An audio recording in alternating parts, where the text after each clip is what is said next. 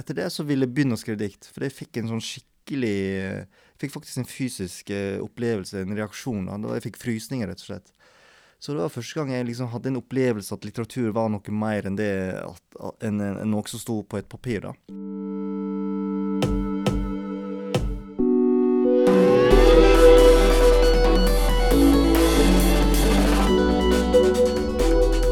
Velkommen til Forfatteren og favoritten, en månedlig podkast om litteratur for unge voksne. Forfatteren og favoritten er podkasten der en forfatter forteller om sine egne bøker, og aller mest om sin favoritt for unge lesere.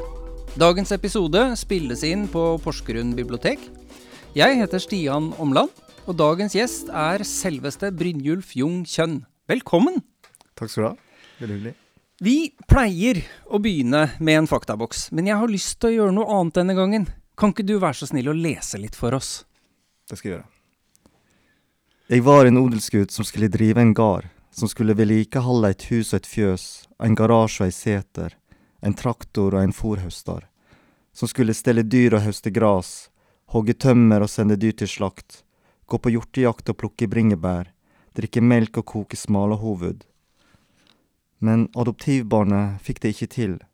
Jeg blei noe heilt anna enn det jeg ble henta til. Jeg kjem egentlig fra garden som mangler arving.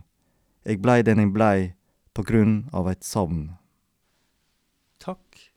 Hva er dette savnet? Ja, det er et godt spørsmål. Det er nok flere ting, da. Det er jo savn, altså um, Foreldrene mine hadde lengsel eller savn etter et barn. Slekta mi hadde et savn eller lengsel etter Eh, en arving, en odelsgutt, som skulle overta denne slektsgården. Mens jeg òg kanskje hadde et savn etter noe annet enn, uh, enn, å gjøre akkurat dette, da. Som på en måte var litt forventa eller ønska fra meg, da. Savn etter kanskje å blitt sett for den jeg var, og at det var uh, Det var ikke dette jeg skulle egentlig gjøre. Fordi um, uh, var og slett ikke en som dugde til å drive gård. Så, um, så det savnet er litt forskjellige ting, tror jeg.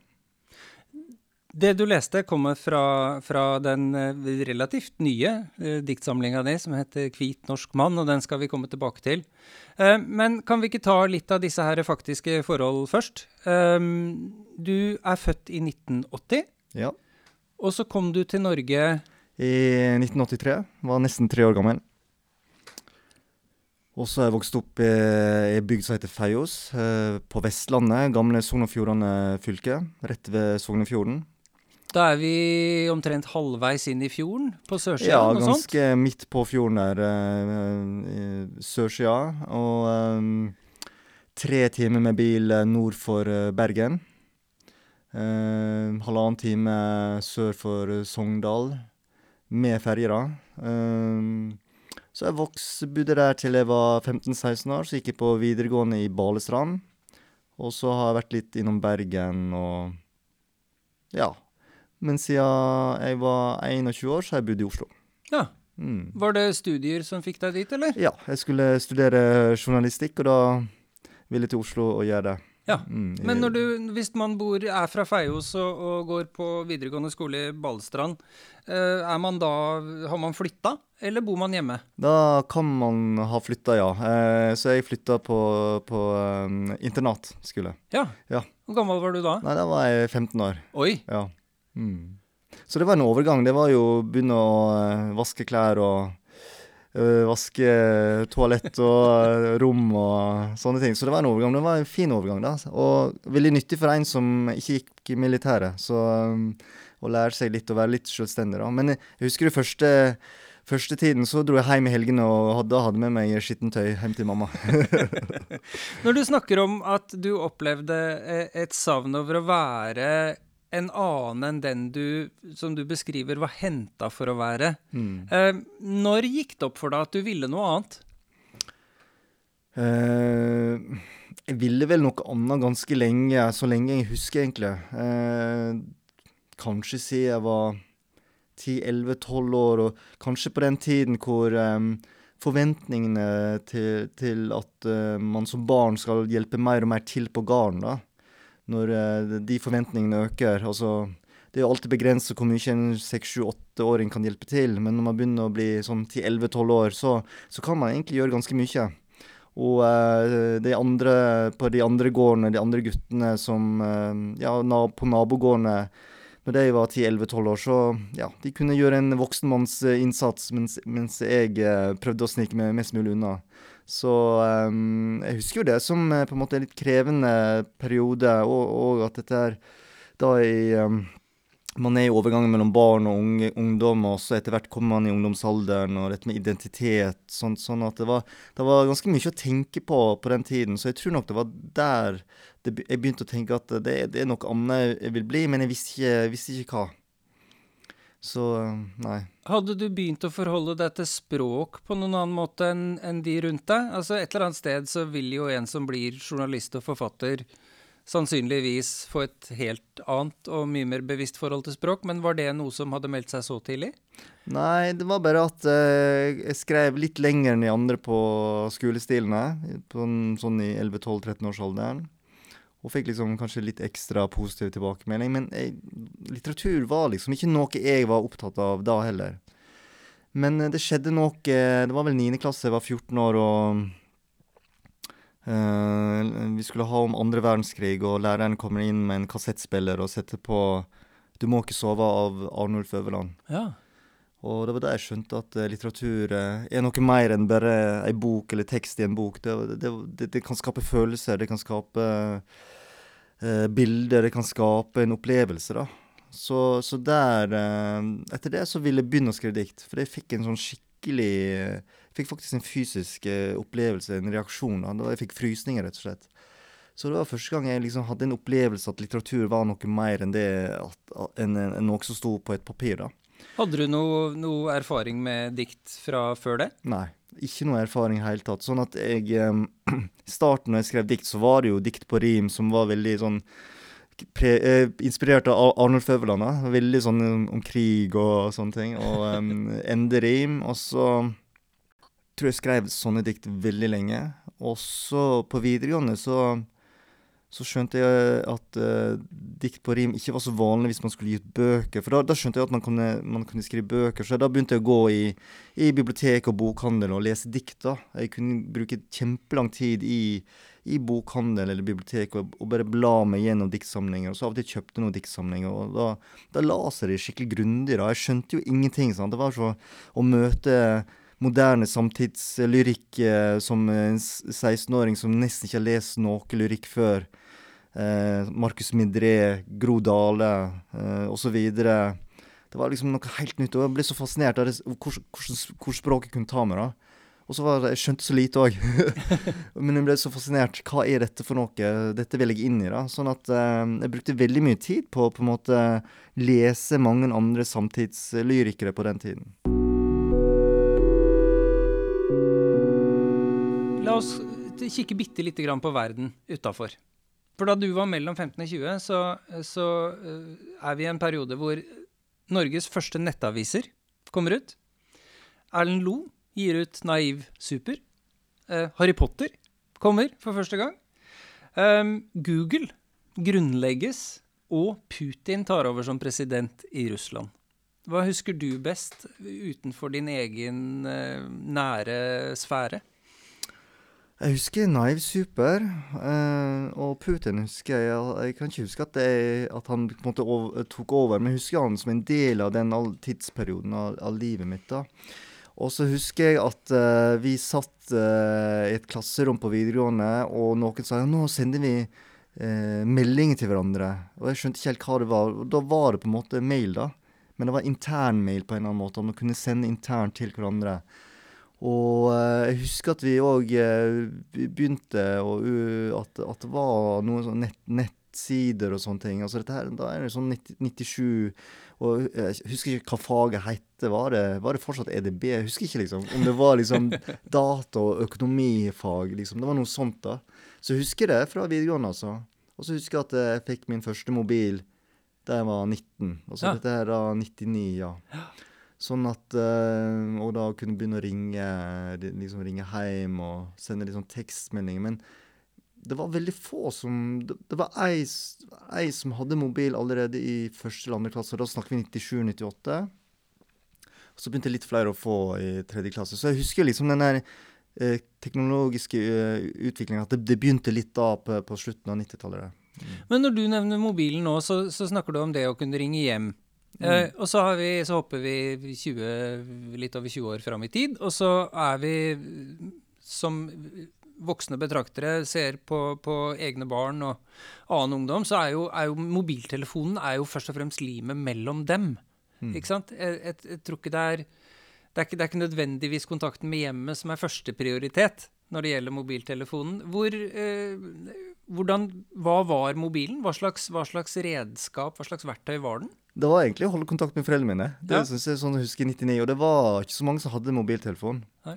Eh, og det var en av fordelene med å være enebarna. At man kunne få litt sånn uh, uh, Jeg husker det var en sånn bitte liten uh, Jeg tror det var Eriksson, som etter hvert ble Sony Erik Eriksson. Men det var en sånn Eriksson-telefon. Og så Jeg tror jeg stort sett brukte den til å ringe hjem uh, innimellom, istedenfor å måtte gå på den der fellestelefon da, som man måtte stå i kø for. Sånn, sånn, sånn eh, telefonkiosk som uh, Jeg tror man til og med måtte betale penger der. Uh, krone, kronestykker og sånn.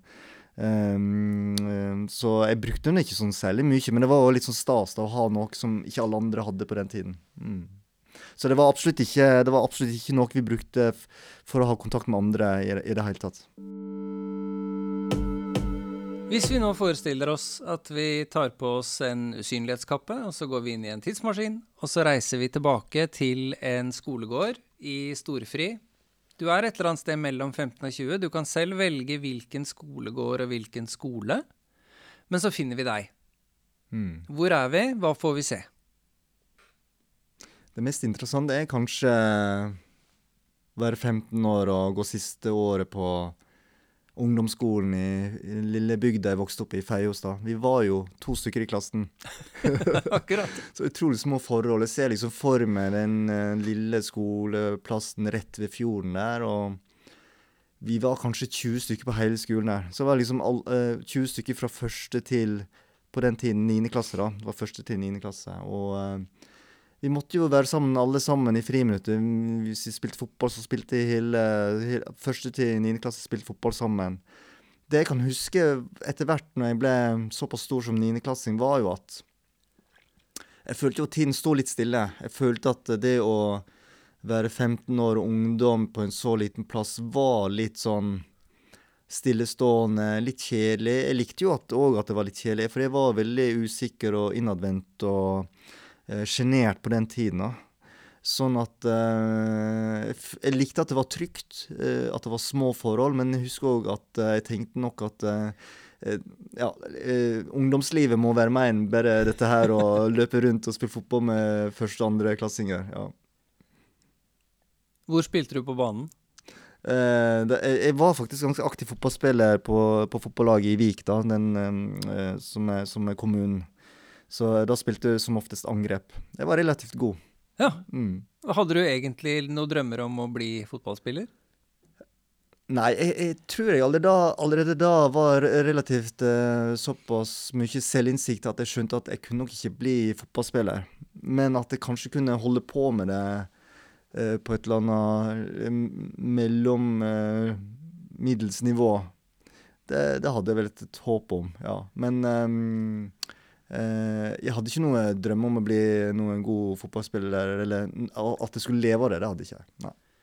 Hvis, hvis eh, du nå vi har, ikke sant? vi har reist tilbake i tid, vi er der. Eh, hvis du kunne tatt av deg den og så kunne du gått bort til deg selv, prikka deg på skulderen og sagt hei. Brynjulf 42. Eh, mm. Nå skal du høre. Hva ville du sagt? Ja, det, det er et veldig godt spørsmål. Jeg tror jeg hadde jeg visst at det skulle gå sånn som jeg, det har gått da jeg var 15 eh, år, så tror jeg kanskje det hadde blitt litt letta. Um, ehm, jeg tror jeg var ganske villrede da jeg var 15 år. Visste liksom ikke helt hva jeg skulle gjøre. Hadde vel en drøm om å bli journalist. Så, og um, så hadde vel sagt at uh, Nei, det er et godt spørsmål. Jeg hadde vel sagt at noe sånn som at uh, det kom til å gå, gå bra og at eh, det kan bli litt eh, vanskelig de neste årene på videregående. Identitet. Men at når jeg etter hvert flyttet til Oslo, så, så kom det til å gå bra. Når skjønte foreldrene dine at du ikke kom til å ta over gården? Jeg tror det var eh, Jeg tror de på en måte skjønte det ganske tidlig, og så hadde de vel et slags håp om at jeg skulle gjøre det likevel, men ehm, eh, det var omtrent da jeg oppdaga skrivingen, og de òg skjønte at jeg ville skrive, og at jeg etter hvert eh, ville bli journalist, da. Eh, fordi jeg tenkte jo veldig, sånn, veldig konstruktivt med en gang. Altså, jeg liker å skrive. Kan jeg, hvordan kan jeg leve av det? Ja. Og da ble jeg journalist. Så det var en, det var en realist som trengte Ja, seg på her. Det ja. var ikke, det var ikke drømmen, dikterdrømmen var ikke tenkte, primær. Jeg tenkte faktisk ikke over å bli forfatter på den tiden. Jeg kjente ingen forfattere. Jeg visste ikke at det var noe man blei, på en måte. Det var veldig få forfattere fra Sogn og Fjordane generelt. Jeg hadde aldri møtt en forfatter heller. Sånn at jeg tenkte nok mer eh, på å bli journalist allerede som 14-15-åring. Ja. Det, det gjorde jeg. Og jeg tror det hjalp i forhold til foreldrene mine òg. Og jeg fikk gode tilbakemeldinger på ting jeg skrev, og det tror jeg gjorde det veldig mye enklere for mamma og pappa. Sånn at uh, det var på den tiden det, det, at det, ble noe avklart på den tiden, ja. Uten at vi har ikke sagt Vi har ikke tatt den store praten fortsatt, faktisk, da, men eh, det er veldig avklart. Ja. Ja. De går ikke fortsatt og lurer. Eh, Nei, og jeg tror nok de eh, De tenker nok innerst inne at det, det var ganske lurt at jeg ikke overtok den gården. tror den gården uh, Ja, den, den gården har godt av at noen med litt mer praktiske egenskaper tar over. Mm. For jeg, i det jeg har lest Jeg har lest en del av det du har skrevet. Jeg mener å huske at det dukker opp en referanse til noen allergier underveis her også. Det er ikke, Ja. bare, det, er ikke bare det at du ikke likte arbeidet, det var andre sider ved dette òg. Ja da, jeg hadde vold, veldig sterk eh, gressallergi. Så når jeg var ute og hjalp foreldrene mine, så, så fikk jeg jo blemmer rundt øynene, og det rant fra øynene, og jeg nøs og hosta hele tiden. Og det jeg stussa mest over som i voksen alder Jeg har jo har Minstebarnet mitt har litt astma nå, og litt sånn, og det er jo at hvorfor, hvorfor eh, Hvorfor skaffa vi foreldrene mine ikke meg as, eh, allergimedisin på en eller annen måte? da? For jeg, I voksen alder så har jeg fått eh, gressallergi på nytt. Eller selv om jeg ikke bor på gård, så har jeg ganske sterk eh, gressallergi fortsatt. Og hver sommer så blir det veldig ille både å sove og sånn. Så nå, nå har jeg gått på eh, sånn kur og er mye bedre, da. Men det jeg stussa litt over, men kanskje ikke var så vanlig på den tiden. Jeg veit ikke. Og så skjønte jeg i voksen alder at jeg hadde laktoseintoleranse. Jeg har jo vokst opp med vondt i magen og ikke helt skjønt hvorfor. Og jeg drakk jo masse melk. Så gress og melkeprodukter Ja. var egentlig ikke så aktuelt. Nei, Nei. Det, er, det er jo ting her som tyder på Ja. at kanskje ikke livet på gård er eh, det mest sannsynlige. Nei, og, og jeg hadde jo òg en katt som jeg var kjempeglad i, og jeg, og jeg er allergisk mot katt og hund og, og egentlig det meste av dyr, tror jeg. Sånn at um, det var dårlig kombinasjon. Dårlig utgangspunkt i tillegg til at jeg er veldig lite hendig. Veldig lite. Og veldig lite interessert, da. Denne, dette med journalistikken, var du veien innom eh, lokalavis og sånne ting? Ja da, og det var jo den store drømmen da jeg var ung. Da jeg få jobbe i lokalavis og farte rundt i lokalområdet og skrive. og Det fikk jeg da. Jeg fikk um, sommerjobb. Jeg var um, var jeg 19-20 år, rett etter videregående. Ett år etter videregående. Og det var jo eh, Ja, det var en eh, kjempeopplevelse å jobbe i Sogn Avis og reise rundt. Og jeg husker jeg var så utrolig ivrig, og um, det var liksom det morsomste jeg kunne gjøre, da. Så, um, så det var en veldig fin opplevelse. Kan ikke vi bare hoppe litt tilbake, for jeg kjenner litt på at, jeg, at jeg, jeg har- lyst til å spørre litt mer om videregående, selv om vi, egentlig hoppa litt bukk over det nå. Eh, men det er noe med det å komme fra en, en klasse med to elever til en videregående skole som var sannsynligvis ganske mye større. Ja da. Og hvordan i all verden gikk det? Det var en veldig stor overgang. Det var det. Jeg, eh, jeg søkte meg til Sygna videregående skole i Balestrand, og det er en kristen internatskole. Oi. Eh, flere i familien min hadde gått der, så jeg, det var liksom Ja, det var liksom der jeg skulle gå, da. Og det var noe med at det var noe trygt over det, istedenfor å måtte dra til Sogndal, bo, bo på hybel der og gå på en offentlig skole der og lenger unna og Men det var en veldig stor overgang. Eh, Sånn at det var plutselig var det det var likevel ikke så stor skole, det var vel 200 elever. Men alle bodde der, da. Nesten alle. Sånn at eh, det var Jeg brukte litt tid på å liksom eh, bli vant til at det var så mye eh, andre ungdommer rundt meg. Eh, vant til at det var stille, og at det var nesten ikke noe mennesker rundt meg. Og plutselig, og i tillegg være enebarn. Og plutselig var det folk over meg, rundt meg hele tiden. Og jeg delte rom med en annen en. sant? Så det er liksom eh, Det første året måtte man dele rom. Så det var en stor overgang. Men jeg tror det var veldig fint, eh, det sosiale der, da. At, eh, at jeg fikk lære meg å være litt mer sosial òg. Så mm. Men denne skolen hvor, hvor dere da var 20 elever totalt sett, som du nevnte, så er dere jo sammen hele tiden alle sammen. Mm. Eh, friminuttene er på en måte gitt. Det, du, det, det høres jo ut som et sted hvor det er fryktelig vanskelig å ha noe slags sånn derre Alle må i hvert fall tåle hverandre. Det, Ja. det, er lite, lite plass til fiendskap og, og, og feider og den slags, som man jo fort kan få ellers på en, f.eks. en ungdomsskole. Mm. Um, og så kommer du på denne her eh, skolen som er mye større med mange flere elever. Var det plutselig helt andre sosiale eh, mekanismer, vennskap, uvennskap, gjenger, tilhørighet? Hvordan var Ja. sånne ting? Det, det var det jo. Det ble jo litt mer sånn klikker og sånn som ikke jeg var vant til, da. Og så er det det spesielle at man bu, alle bor der òg. Så man blir liksom Man kommer ikke unna hverandre i, når skolen er ferdig heller. Man må forholde seg til hverandre. Og man kan liksom ikke dra hjem til sitt eller eh, til sin familie. Man skal, skal bo sammen og man skal spise alle måltider sammen. og eh, Så det blir et veldig spesielt miljø. Jeg husker, men jeg husker liksom de to første årene som veldig fine. Og så ble man lei det tredje året. Og da, da husker jeg da lengta jeg liksom bort. Da skal man gå videre i livet og lengta til liksom større sted. Og lengta ja, eh, til Bergen eller Oslo og komme seg videre i livet. da. Det var liksom det der. da. Så det, men de første to årene var veldig fin, fine. Mm. Hadde du noen kjærester? Ja, jeg fikk kjæreste på, på videregående. Det gjorde jeg. Så det var òg litt sånn spesielt fordi uh, Ja, man har jo mulighet, muligheten til å være sammen hele tiden, da.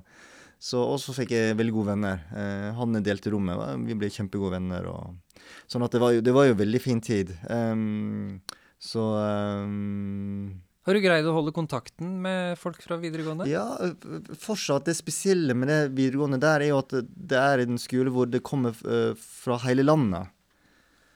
Sånn at det er ikke nødvendigvis eh, elever fra hjem, hjemdistriktet mitt. Eh, så jeg holdt kontakt med noen få, men de aller fleste endte opp i Bergen, da. Ja. Mens jeg endte opp i Oslo. Mm.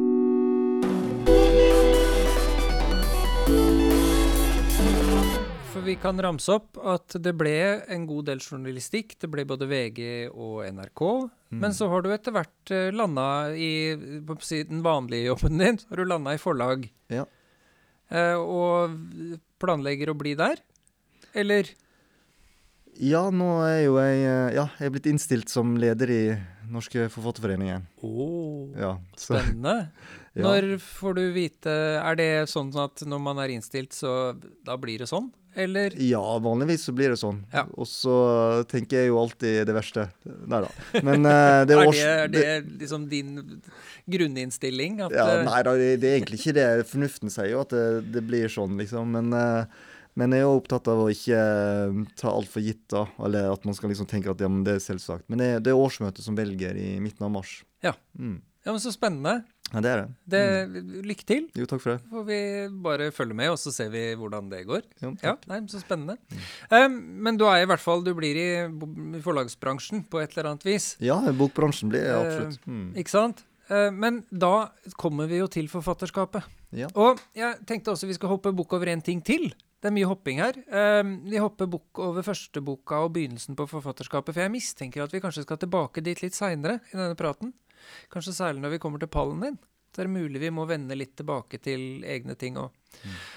og da er det sånn at når vi snakker om bøker i Forfatteren og favoritten, så snakker vi ofte om, om uh, UV-bøker og bøker for unge voksne, og så understreker vi samtidig at vi egentlig trekker litt på skuldrene av disse her eh, merkelappene som vi setter på litteraturen, fordi at det første du oppdager når du jobber med ungdom og litteratur, og for oss som går, og, går i bibliotek og, og snakker med unge mennesker som leser hele tida, så oppdager vi jo veldig, veldig fort at eh, de suser helt uanstrengt opp i voksenhylla lenge før de har fått stemmerett. Um, og det gjelder jo også det gjelder hva de fleste lesende mennesker leste. Sånn at de der greiene der er egentlig ikke så viktige. og Dermed så vil jeg gjerne snakke med deg om både det du har skrevet spesielt for ungdom, men også kanskje en eller to av de tingene du har skrevet for tradisjonelt voksne lesere. Uh, jeg har egentlig lyst til å ta uh, ungdomsromanene først. Um, og særlig to av dem. Og de er vel kanskje de to eneste som er sånn reine ungdomsromaner. Så har du, mm. har du, både barnebøker og andre ting som Ja, det er en lengre diskusjon, men i hvert fall Hvis vi begynner med 'Så vakker du er', ja. fra 2013 mm, Stemmer. Uh, kan ikke du fortelle litt om den? Ja. 'Så vakker du er' er jo min første ungdomsroman. Og um var en roman som var, som var og er eh, utrolig viktig for meg. Um, jeg hadde rota meg litt bort i forfatterskapet. Jeg Begynte å skrive litt på bokmål. Um, og ja, var litt på leit. Hva, hva skal jeg drive med, og hva, hvordan skal jeg skrive nå? Jeg var litt sånn forvirra sjøl da. Og så skulle jeg skrive en ny bok, og hadde denne ideen om, om en gutt som på en måte um, ser onkelen sin uh, kaste opp, og ser onkelen sin som er veldig sjuk. Og uh, så får vi en slags uh, veldig sånn scene hvor, hvor denne gutten, unge gutten på en måte må pleie onkelen sin, da. Uh, og så prøvde jeg å skrive på den, og så fikk det ikke til. Og så Og det var på bokmål. Jeg prøvde å skrive bokmål bokmålsmanus der, da. Også, Hvorfor var det en periode viktig for deg å gå den veien? Jeg hadde vel en slags tanke om at hvis jeg skrev på bokmål, så ville jeg nå mer ut. Men ja. det, det, det, var omvendt. Ja. ja jeg skrev dårligere. Uh, og nådde ikke mer ut. Uh, så jeg hadde et par-tre bøker på bokmål. Um, og aldri fått så mye dårlige anmeldelser. Spesielt på den ene. Og så uh, gikk det da et par år uten jeg klarte å skrive. Og så var jeg en kveld jeg tenkte ja, men nå prøver jeg nynorsken. Og så skrev jeg kanskje 10-20 sider på de første sidene av 'Så vakker du er', og så bare kom boka. Og da, da, da landa det. Og det jeg har lært, er jo at må, man må skrive det språket som er mest naturlig. Eh, det som ligger tettest på, på en seg sjøl, da. Og um, etter det har jeg bare skrevet nynorsk uh, og ikke vært opptatt av å nå ut uh, noe mer. Uh, altså, det er kvalitet, og så hvis det er godt nok, så, så, vil det nå ut på en eller annen måte. Uansett, da, har jeg tenkt etterpå. Og så vakker du er, nådde jo ut. Det handler jo om Henrik som er 15 år, og som bor alene med mora si. Han har ingen far. faren blir ikke nevnt i det hele tatt. Men han har en ung onkel, som, han, som onkelen er jo da på en måte en slags Eh, storebror eller en farsfigur. Og så blir onkelen veldig sjuk, eh, og alvorlig sjuk. da, Og dette går jo veldig inn på Henrik. Eh, han er 15 år. Og, og samtidig som onkelen blir veldig sjuk, så blir jo Henrik ordentlig forelska for første gang i Kjersti. Så det er jo dette her, både mørke og lyse. det her, Er det lov til å være glad når man egentlig er trist, og så videre. Så man kjenner veldig på da. Og han kjenner også veldig på dette at mora prøver å holde han litt utenfor, eller kanskje spare han for de, de verste situasjonene. Sant? Når hun skal besøke onkelen eller broren sin da, på sykehus, så, så, tar han ikke med Henrik, eller hun forteller ikke så mye. Så han kan også kjenne på det sinnet her, da, at ja, men han er like viktig for meg som, som for deg. da, Sånne ting. da, sånn at um, og det, den boka betyr mye for meg, for det var et slags gjennombrudd. Jeg fikk Brageprisen for beste barne- og ungdomsbok, og etter det så merker jeg at uh, interessen for forfatterskapet mitt øka masse. Sånn at uh, Nominert til en annen svær pris òg, syns jeg jeg husker.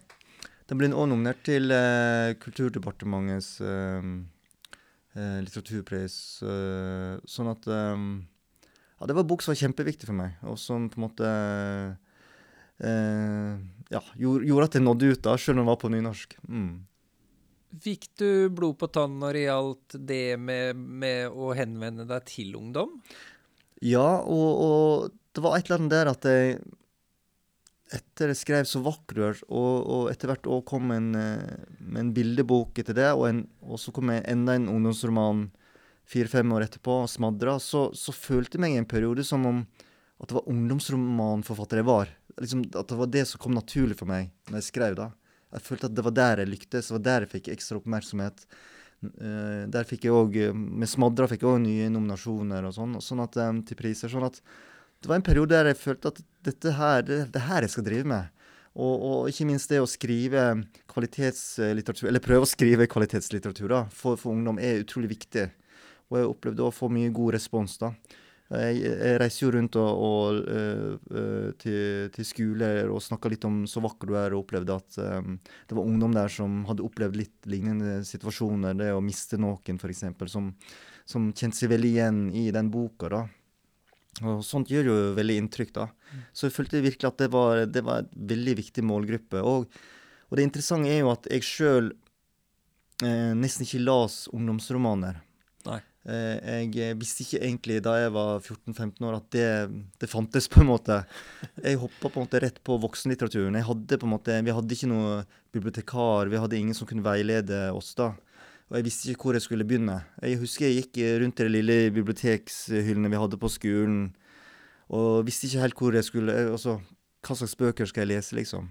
Så um, Eh, men så skjønte jeg da, når jeg sjøl begynte å skrive, at dette er en viktig målgruppe å skrive gode bøker for. Og, og, når jeg skriver for ungdom, da, så skriver jeg ganske likt som om jeg skriver for voksne. Ja, for det var, ville jeg spørre ja. om. Det er, mm. at, at er det egentlig, er, handler det egentlig mest om alderen på hovedpersonen? handler litt om alderen på hovedpersonen. Så handler det litt om på en måte Jeg vil ikke si refleksjonsnivået, men måten man på en måte formulere seg på det refleksjonsnivået. Eh, på en måte at man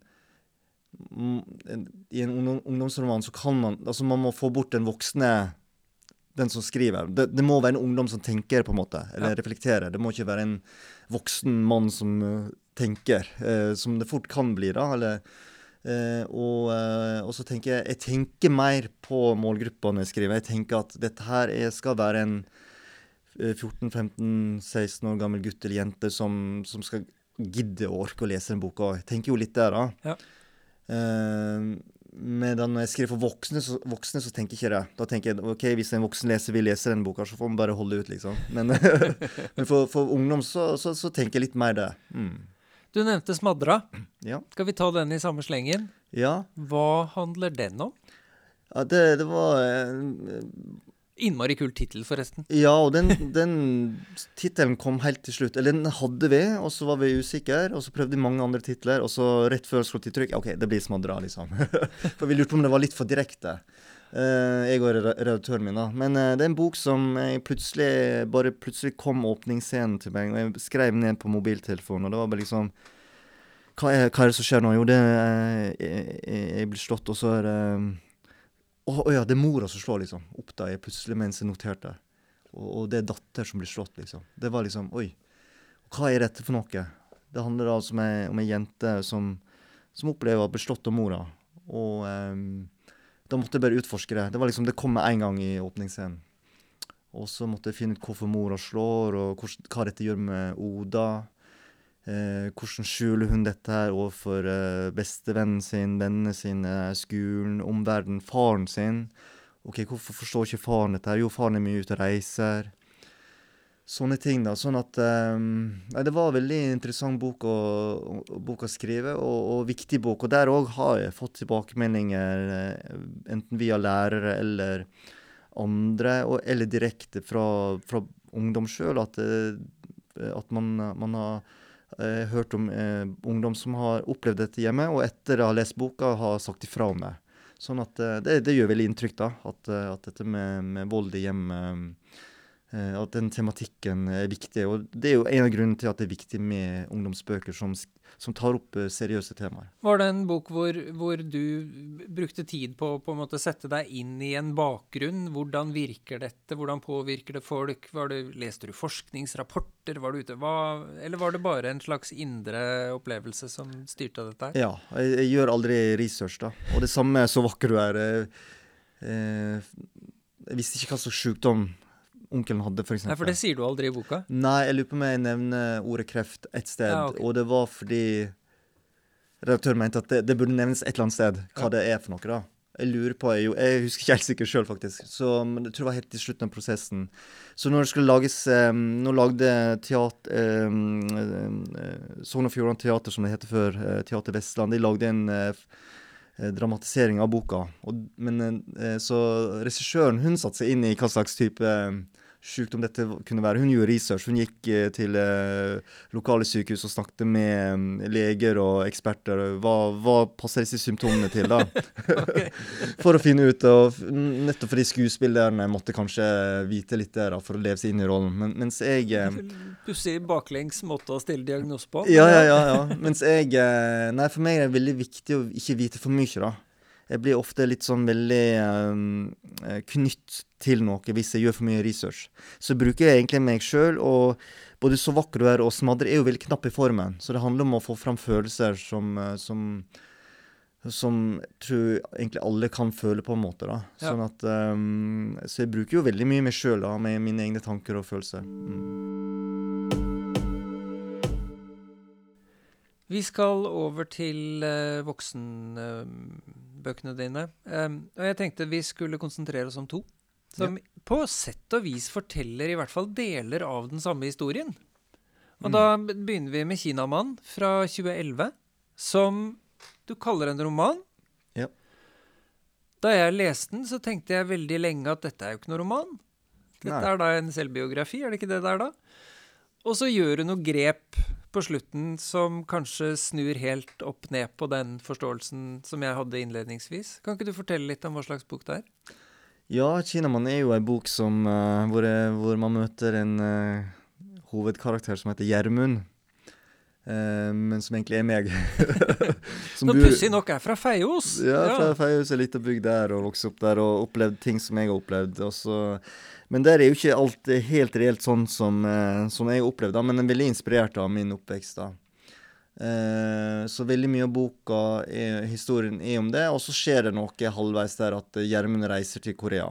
Og det er en veldig fiksjon, for jeg hadde ikke reist til Korea på den tiden. Så det er jo, det er jo veldig oppdikta. Det, det, er en roman hvor jeg i ettertid ser at jeg ikke helt visste hva jeg ville skrive. Og det var en roman som òg jeg eh, ikke var moden nok til å skrive, føler jeg da. Nettopp fordi jeg var ikke helt klar for det. Jeg hadde ikke tenkt nok over hvordan det er å være adoptert, hvordan det er å føle, seg, føle utenforskap på den måten. og det var jo en, en, en bok som òg Jeg ble jo nesten litt sånn til å skrive den av min daværende redaktør. da, sånn at, um, Og det var en god idé, liksom. Det var det. Jeg hadde ikke blitt skrevet den type bøker før. og Hvordan det er å vokse opp og være adoptert i, fra Sør-Korea, vokse opp på en gård og drive en gård og være odelsgutt. Veldig likt uh, hvit norsk mann i dag, da. Og den ble skrevet på bokmål, og eh, det er nok den svakeste boka jeg har skrevet. Og aldri fått så hard medfart av kritikere før. Og i ettertid så ser jeg jo at det er jo ganske fortjent sånn sett. da. Det er jo en bok som, som, som leseopplevelse føles veldig som du selv er på en slags oppdagelsesreise. At du bearbeider, bearbeider, bearbeider, og ikke nødvendigvis helt finner ut av det. Ja, og fordi jeg på en måte fortsatt var i en slags bearbeidelse, eller ja. Eh, prøvde å finne ut av ting, og på en måte var, var egentlig kanskje, kanskje, helt i startfasen prøve å finne ut av ting, da. Så at jeg um, tror det handler litt om modenhet. Og det som var med den boka jeg, tror, jeg, jeg, har jo fått veldig fine tilbakemeldinger fra Det var noen gode anmeldelser, altså. Og fått mange fine tilbakemeldinger fra andre adopterte, at de kjenner seg veldig igjen i det her, da.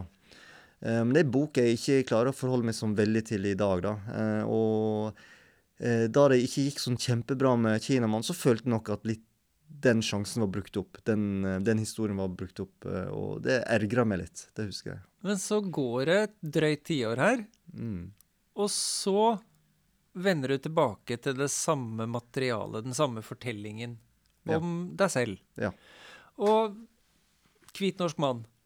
Mm. Norges eh, heiteste diktbok. Og det ja. må vi kunne si med god margin. Trygve Skau kan bare ha det så godt. For nå er det du som er sjef. Uh, dette er jo blitt en helt fantastisk suksess. Altså, Vi var innom det i stad, dette med å nå ut til et publikum og, og bokmål kontra nynorsk og det ene med det andre med det tredje. Og her vil jeg gjerne skyte inn en ting. Um, jeg har sagt dette før på for, Forfatteren og favoritten, og fordi jeg syns jeg er inne på noe, så tillater jeg meg å gjenta det. Og det er det at, at den derre nynorsk kontra bokmål og sidemål og hovedmål og hele den diskusjonen der sånn, den tar vi ikke her. Den er viktig, men den tar vi ikke her. Det jeg vil si, er at hvis folk skulle ha motforestillinger mot å lese nynorsk, så én måte å nærme seg det der, der på, er å gå til lydboka. Da er det en, i dette tilfellet, kul fyr fra Vestlandet som, som forteller deg noe innmari fint. Mm. Og så la det være med det. Jeg sa omtrent det samme om, om Ane Barmens uh, 'Draumarbeid betyr ingenting'. Um, da vi hadde, var innom den i en tidligere episode, og jeg syns det er For meg har det vært uh, en, en sånn en litt døråpner når jeg har snakka med særlig yngre folk som av forskjellige grunner ikke får til å lese nynorsk. At der er en vei inn. Gå til lydboka. Mm. Det er veldig fint. Så, og det gjelder i aller høyeste grad uh, diktsamlinga di også. Mm. Fortell om Kvitnorsk mann. Hva er dette her for noe? Ja, nei, det er en uh, bok som um, Det er en diktsamling. Enkle dikt på nynorsk og veldig enkel nynorsk òg. Sånn at eh, hvis man skal begynne å lese nynorsk, så, så, tenker jeg at det er veldig bra å starte. Eh, det, det, er diktsamling som handler om å vokse opp som adoptert eh, på en eh, gard på Vestlandet og føle, seg, føle utenforskap. Beskriver mange situasjoner hvor eh, eh, jeg da som adoptert kan føle på dette her og se annerledes ut. Jeg har jo på en måte hele tida følt meg norsk. Eh, men da jeg vokste opp på 80- og 90-tallet, så var Norge helt hvitt. Hele, hele, alt rundt meg var hvitt. Jeg ville se ut som alle andre. Jeg ville bli en hvit norsk mann da jeg vokste opp. Um, det handler om å føle seg 100% norsk innvendig, men hele tida bli minnet om at man ikke ser norsk ut utvendig. da. Altså, er det noen nøkkelhendelser i løpet av livet mitt, det er jo uh, dødsfallet til Arve B.M. Karlsen, det er drapet på Benjamin Hermansen, og så er det det her um, uh, drapet på Johanne Ile Hansen, som blir drept av sin egen stebror for hun har feil etnisitet. Hun, har, hun er adoptert fra Kina. Og så er det koronapandemien. Og det, det er det som utløser skrivingen her. Og så og det var først da jeg òg egentlig skjønte at kanskje har jeg eh, hele livet opplevd rasisme. Det har jeg ikke tenkt på før jeg, før den, før jeg nesten ble 40 år. Sånn at um, nå var jeg moden og klar for å skrive om dette. Og så visste jeg ikke helt hva, hvordan jeg skulle gjøre det. Jeg hadde noen dikt, jeg visste ikke helt hva jeg skulle gjøre med dem. Jeg skulle skrive om til prosa, og så sa redaktøren min nei, må, dette her er kjempebra, du må skrive sånn. Og så skrev jeg denne boka på tre-fire måneder eh, i fjor vår, og så kom den ut i fjor høst. Og så Ja, det kom innenfra. Det er jo, det er jo 40 års eh, liv inni, inni, dette her, denne boka her. Mm. Kan ikke du være så snill å lese litt fra den for oss? Vi, du nevnte Arve Beheim Karlsen, eh, som da han døde var rundt regna like gammel som deg. Det stemmer. Eh, ett år imellom dere. Mm. Og det er ikke så store geografiske eh, forskjellen heller. Nei, og det spesielle er jo at jeg visste nesten ikke, nesten ikke om andre som var adopterte. Og så plutselig leser jeg Jeg er i Sogndal dagen etter at han ble funnet død. Så plutselig leser jeg om en uh, annen gutt som er adoptert fra mitt nærområde, som er funnet død, og sannsynligvis fordi han da er adoptert og um, ble utsatt for um, rasisme. Sånn at det gjorde veldig sterkt inntrykk på meg. Da syns jeg vi skal høre din diktversjon av dette. Vær så god. Jeg er den brune gutten som springer over brua. Jeg er den brune gutten som springer under brua. Jeg er den brune gutten som springer ut i elva. Jeg er den brune gutten som seinere blir funnet i vatnet. De ropte drep denne negeren, men det var ikke meg. Jeg er ikke brun, jeg er gul. Jeg åpner de smale øynene mine og leser om Arve B.M. Karlsen. Han er ett år yngre enn meg, adoptert fra India. Guttene som jaga han, var like gamle som oss. Drep denne negeren, ropte de. Og jeg eh, springer sammen med Arve B.M. Karlsen. Jeg ser på han, og han ser på meg. Vi snur oss og ser de komme etter. Drep denne negeren, roper de. Og vi springer over brua, og halvveis så stanser Arve opp. Han vurderer fram og tilbake. Så skjønner jeg at han vil springe under brua, og jeg følger etter, ned til elva som er sterk og djup, steinene er glatte og harde, og Arve og jeg går ut i vatnet, det kalde, mørke vatnet som renner ut i Sognefjorden, verdens djupeste og lengste fjord. Tenk at vi skulle havne her. Drep denne negeren, roper de, og vi ser på hverandre, den ene brun, den andre gul. Tenk at vi skulle havne her, i denne djupe, lange fjorden, der det vokser epler og bringebær på rekke og rad langs fjordskråningene, der fjell etter fjell strekker seg oppover mot snøtoppene, der ferjer sklir som hvite hvaler mellom små bygder. Nå hører vi steg på brua. Drep denne negeren, roper de, og vi ser på hverandre. Vi holder hverandre i hendene. Vi dukker under. I vatnet er vi brødre. To adoptivbarn holder pusten. Jeg er den eneste som reiser meg. Tusen takk. Det føles helt urimelig å skulle gå videre og snakke om noe annet nå. Um, men hvis vi stopper nå, så blir vi bare forfatteren og ikke favoritten. Uh, og det Sånn kan vi jo ikke holde på. Uh, men altså uh, Hvit norsk mann der, folkens. Uh, diktsamling fra i fjor. og har du ikke lest den, så skjerp deg. Vi skal til uh, pallen din.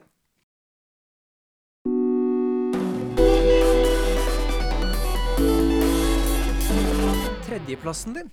Mm. Hvem har du der? Ja, det var vanskelig. Viktig for Da jeg var altså mellom 15 og 20 år, så begynte jeg å oppdage lyrikk. Jeg brukte masse tid på å lese samtidslyrikk. Lest masse av um, Markus Midré, eh, Mona Høvring, Tone Hødnebø, Øyvind Berg. Alle de her som på en måte ja, Pedro Carmona Alvarez. altså Det var så utrolig sterke, mange sterke unge lyrikere på den tiden. Jeg var så heldig at det var da jeg oppdaga lyrikk. Eh, men en av, de, en av, de, første bøkene jeg kjøpte Jeg vet ikke hvorfor jeg kjøpte den boka. Jeg kjøpte den av mine egne penger. Det var liksom da, Dette var 1997. Skal vi se. Gro Dale, 'Karneval'.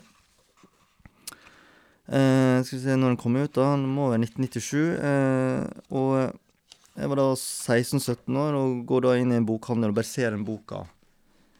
Eh, og 1998 kom den her ut, ja. Så jeg var 17-18 år. Og så kjøper jeg den, og så bare liksom Ja, blir helt frelst da, av Gro Dale. Og det um, hun, ha, eh, hun, har fortsatt, men spesielt uh, disse første diktsamlingene fra, fra, slutten av 80-tallet og utover 90-tallet, så utrolig sånn språklig overskudd som på en måte Jeg ble helt fascinert av. For sånn, Karneval er en, en samling dikt eh, fra tiåret før den kommer ut? Ja, det, det, det, det starter vel 1987. Det er fra ja. 1987 til 1997. Så det, er samling eh, dikt fra forskjellige diktsamlinger i den perioden. da.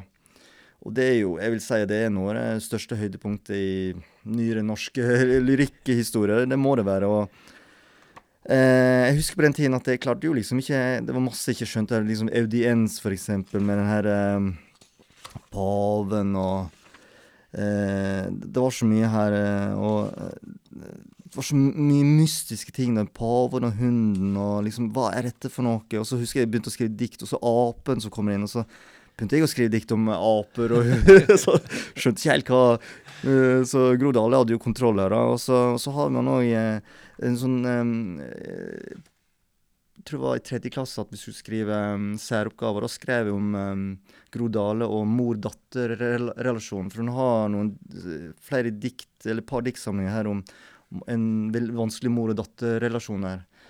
Uh, og jeg bare husker de her utrolig mange sterke, fine dikt uh, som på en måte gikk, gjorde veldig inntrykk på meg. da. Så Gro Dale har vært veldig viktig i forhold til um, det å lese dikt, det, bli, det, å lære seg å lese dikt, og det å lære, lære, meg å skrive, egentlig. Jeg har aldri gått på noen skriveskoler eller noe sånt, men det å liksom bli inspirert, og det å liksom skjønne at okay, man kan bruke språket på den og den måten, det, det var veldig viktig for meg. Da du ramsa opp uh, diktere som du leste og ble inspirert av nå, så, mm. så, er det bare norske navn på den lista. Er det noe med at, at uh, folk som på en måte går den veien, og som trekkes mot å skrive dikt, uh, også trekkes mot eget språk i større grad enn en som på en måte eter bredt og skal lese alt? Det handler òg om at uh, jeg hadde ingen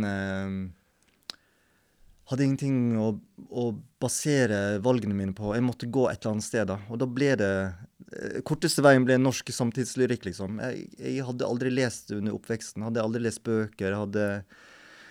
Eh, du nevnte Harry Potter kom på den tiden. Jeg har ingen forhold til Harry Potter, for jeg las ikke ungdomsbøker eller barnebøker på den tiden. Jeg gikk rett på samtidslitteraturen. og og lyrikken. Og det ble den korteste veien ble på en måte norske unge forfattere. For det var de som var nærmest meg i alder. For de er på en måte eh, de, Der så jeg at oi, de klarer å skrive en bok, kanskje klarer jeg å skrive en bok. Det ble litt sånn da. Jeg hadde liksom ingen rundt meg som kunne dele boktips med meg. Som sa og jeg har lest denne utenlandske forfatteren, du må lese den. liksom. Jeg måtte finne ut av det sjøl. Så jeg gravde meg inn her, da, inn i en slags der boble hvor jeg eh, på en måte På den tiden visste veldig mye om norske samtidslyrikere. Og da var det bokhandelen som var stedet du fant det? Bokhandelen. Jeg kunne gå, stå, være gå en time eller to og bare bla i bøker. Og så eh, bibliotek, da. Ja. Eh, på videregående der så gikk vi ned Vi måtte gå et stykke ned til fjorden, der det var et bibliotek. Og de hadde uh, selvsagt utvalg der. Og der, der husker jeg f.eks. jeg oppdaga Marcus Midré for første gang. da, 'Teori om tusen skygger', som jeg vurderte å, å, å ta, uh, velge her. da, Så det var sterk konkurranse. Men det er et eller annet med Gro Dale da, som, som, som betydde mye for meg, og som um, fortsatt er veldig aktiv, og fortsatt er en kjempestor dikter. og Uh, så, så, så, ja, så, det, derfor ble det karnevalen òg, fordi det kanskje var det første diktsamlingen jeg kjøpte sjøl. Jeg tror det, det, var det, altså. Vi skal videre.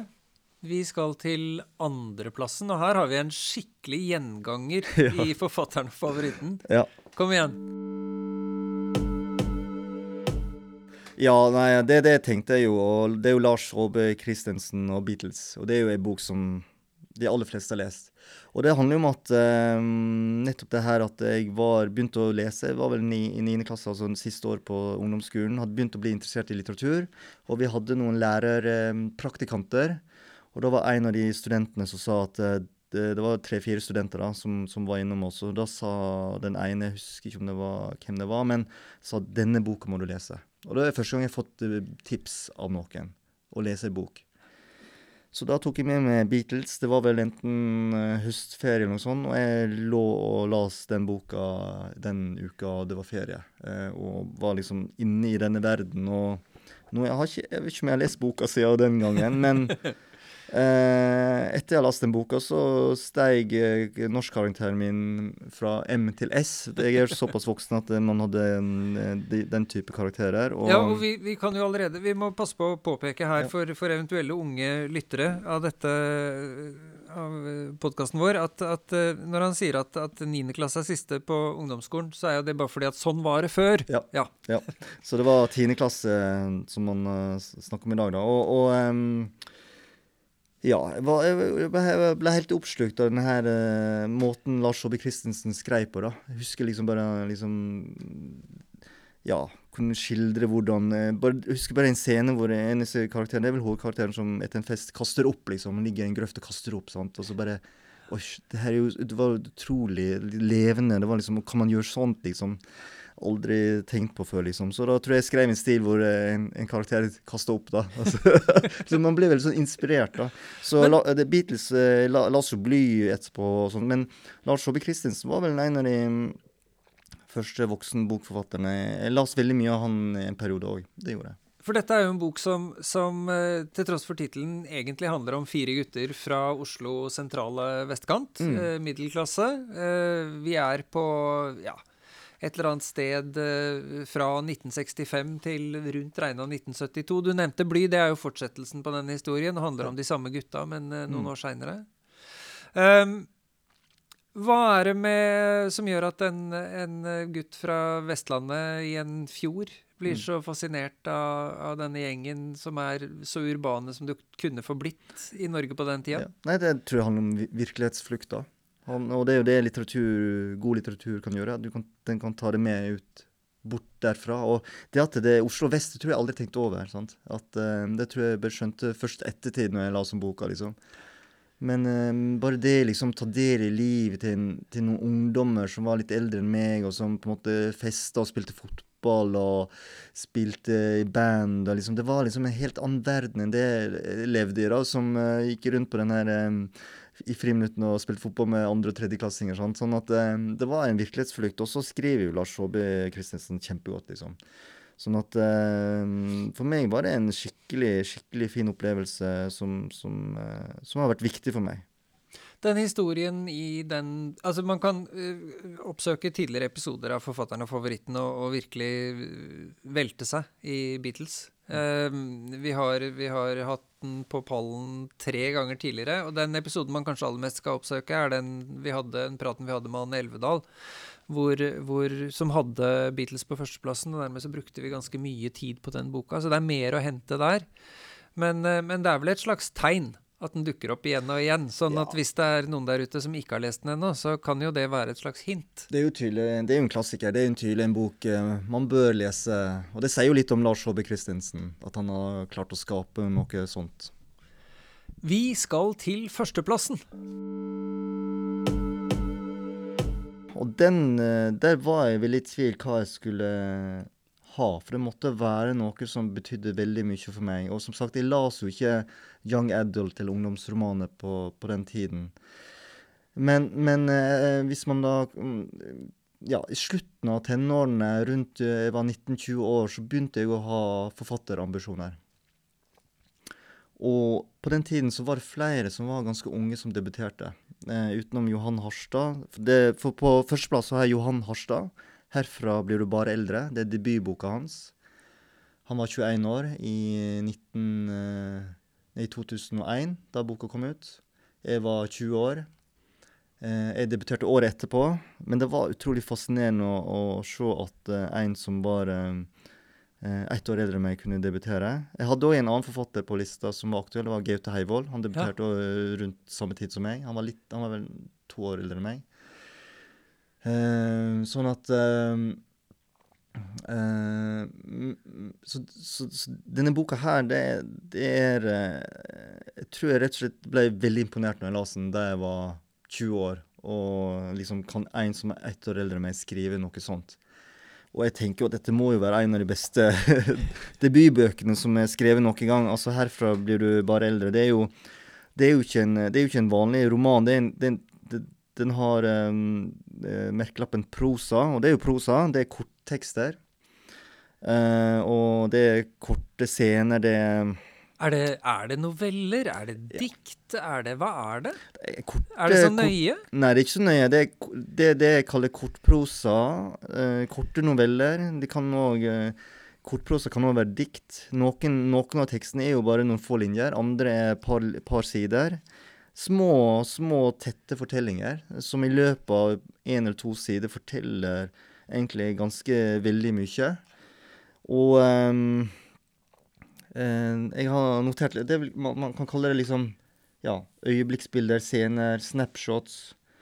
Og um, det var en tid, kanskje rundt på denne tiden, og kanskje fremvekst med skriveskoler, at, at dette var òg en litt typisk måte å skrive på. Kort prosa, korte tekster. Noen kunne kritisere folk som skrev og ga ut sånne bøk, type bøker for at dette var skriveøvelser fra en forfatterskolestudent. sant? Sånn at man, man tok kanskje også litt lett på sånne type tekster. Men denne her husker jeg fikk veldig gode anmeldelser, hvis jeg husker riktig. Det må han ha fått. og eh, språklig sett utrolig modent. eh, samtidig som man skjønner at forfatteren er ja, rundt 20 år. At, eh, at eh, det er en del situasjoner her som går fra liksom, overgangen fra å være ungdom til voksen. Det mangler de der eh, bevegelsene der. At du, du er akkurat midt inni overgangen fra barn til voksen, som blir skildra på, på ulike måter. Og så er det mange referanser til um, ting som ungdom i dag kanskje ikke har noe særlig forhold til. Eh, videospillere osv. Så videre. Sånn at um, um, Ja. Og så det, det er kanskje Noen leser denne boka på nytt nå, nå ikke så lenge siden. Og, og det som slår meg, er at jeg føler at det står så utrolig mye på spill i disse korte tekstene. Ja. Det, det er korte tekster, det er korte situasjoner, men det står likevel så utrolig mye på spill. Det er bare en fortelling der egentlig hele teksten handler om at um, hovedpersonen ikke vil- vil være med på ferie. Og så er det, sitt, det er så vanskelig å bare fortelle det, eller få avklart det med, med, med foreldrene. Eh, Sånn at det liksom bare Det står så mye på spill, da, likevel som om tekstene er veldig korte og, og, og relativt enkle, da. Så det er liksom Ja. Det er Er det, lov, veldig er det lov å si at det er en bok hvor ganske ofte så føles det som ting enten hold, holder på å gå dårlig, eller allerede har gått innmari gærent? Ja, det, det, det, det er absolutt det. Og, og, og en erkjennelse av at man begynner å bli voksen. Bare tittel eh, 'Herfra blir du bare eldre', som, og, som handler om at, en, at man finner en død fugl og skal begrave den, og så eh, kommer far med en eller annen, og husker ikke helt eh, eksakt eh, eh, med en erkjennelse som gjør at kanskje hovedkarakteren skjønner at ja, men nå, nå, sant, nå er det ingen vei tilbake. Tiden bare går og går, og man blir eldre. og så det er slags også en erkjennelse. Jeg tenker jo at man Fram til en viss alder så tenker man aldri over at man skal bli gammel, og sånn, men her, her tror jeg Man får en følelse at her går det opp, at man alle skal en gang dø da, på en eller annen tidspunkt. Jeg tror mange barn ikke tenker så mye Eller som barn tenker man ofte på døden, men på et eller annet tidspunkt så går det kanskje opp, faktisk opp at man skal faktisk dø en eller annen gang. At man òg skal bli gammel, sånn som sine foreldre eller besteforeldre. Så, så, og, og dette er jo en bok da, som jeg tenker er veldig fin å, å lese for uh, 15-20-åringer. Det er jo en voksenbok i, i, egentlig. Skrevet av en 20-åring. Uh, og, um, uh, og korte tekster. Og veldig um, veldig oppnåelig å komme seg gjennom. Og man kan lese én tekst her og én tekst der. Eh, og så er det en forfatter som uh, har skrevet veldig mange gode bøker etterpå. Absolutt. Uh, sånn at, og dette var starten, og det var, det var veldig, veldig lovende start. Og det er noe med at han har en sånn innmari fin blanding av eller, For å si det på en annen måte han, det, er en, det, det er en mørk bok. Den har mye mørke eh, i seg, og samtidig så har den en, en slags sånn derre desperat humor som, som tyter fram her og der, og som, som fungerer så veldig veldig godt sammen med det mørket. Eh, der han har en, en helt fenomenal bitte liten fortelling om en, en uh, relativt voksen ungdom, tror jeg, som oppsøker eller bare havner i nærheten av ei sandkasse. Og så henvender seg til et barn Åh, det, er sterk. og rett og slett skjeller ut dette barnet for å ha tatt plassen hans. Ja, og, eh, og lure barn til å eh, spise sand. Spise sand. Ja. Og så liksom, ja, eh, det, det gjorde jeg fordi du Det var jeg som var i den sandkassen før. Ja. Og det viser jo sånn, en refleksjon eller erkjennelse at tiden går. Ja. Jeg er ikke det barnet lenger som hadde den sandkassen. Du er det barnet, og du fortjener å spise sand, på en måte. Sånn Ja. som jeg ble lurt en gang i tiden. Ja. Så det går i arv også. Så det er, mm, det er interessant eh, at på et eller annet tidspunkt så blir man klar over at nå, nå er det for seint, og herfra blir du bare eldre. Det er jo på en måte en eh, Det er jo veldig sant, da. Man Ja, blir jo bare eldre absolutt. fra et eller annet stadie. Ja, og den kan leses eh, i, i små biter, og den kan leses i én jafs. Og, og, ja, nei. Og, og så er det jo noe med, som du er inne på, dette her med hvor Når vi nå vet at dette forfatterskapet bare folder seg ut ikke sant, helt fram til nå, og forhåpentligvis lang tid inn i framtida. Mm. Vi har hatt, eh, også her, så blir jeg et øyeblikk navlebeskuende, vi har hatt eh, Ja. Eh, ungdomsromanen hans fra 2008. På førsteplassen. Så dette er faktisk eh, Johan Harstads andre førsteplass Ja. i Forfatteren og favoritten. Da var det Tyra Tronstad som hadde, hadde Dala på førsteplass. Og så vil jeg jo også da trekke fram det som kanskje er min favorittbok av uh, Johan Harstad. Uh, Buzz Aldrin, 'Hvor ble det av det i alt mylderet'? Som Den, jeg syns eh, er en helt praktfull bok. Altså, det er for en. Ja. utrolig leseopplevelse den boka er. eh, utrolig bra bok, og um, som er stor bok. Eh, og han har jo skrevet enda større bøker, og 'Herfra blir du bare eldre' er jo bitte liten bok. Liten flis, Ja. ja. og så vil jeg jo trekke fram bok nummer to han har skrevet, 'Ambulanse'. Ja. Novellesamling. Utrolig gode noveller. Um, ja, eh, sånn at um, eh, virkelig Nå er det jo en liten stund siden forrige bok, tror jeg. Eh, sånn at eh, jeg håper det kommer mer. Men det er klart det er en, det er en eh, veldig begava forfatter. Det er ikke noen tvil om det. Og jeg, dette var året før Da hadde jeg vel begynt å skrive på min debutbok. Og det var veldig inspirerende altså, å, å, lese at, at, man kan være så ung og skrive en sånn bok, og så, og så gi, få gitt ut. da, sånn at Det var en viktig inspirasjon for meg, da, som òg hadde forfatterambisjoner. Så bra. Jeg tror jammen meg vi må si at vi er i mål, jeg. Ja, det var veldig hyggelig. Rett og slett. Takk i like måte. Tusen takk til eh, Brynjulf Jung Kjønn for at du kom på besøk til oss. Takk for at du kom. Med. Forfatteren og favoritten er et samarbeid mellom tidsskriftet Bok og bibliotek og Porsgrunn bibliotek. Dagens episode ble spilt inn på Porsgrunn bibliotek. Tekniker har vært Markus Patai, og han har også redigert episoden. Arne Olav Lunde Hageberg fra Bok og bibliotek er redaktør, og Hanne Sandvik er også med i redaksjonen. Musikken er laget av Halvor Nordahl Strand. Programleder har vært meg, Stian Omland. Takk for at du hørte på oss. Forfatteren og favoritten er tilbake før du vet ordet av det. Takk for nå, og les bøker du liker.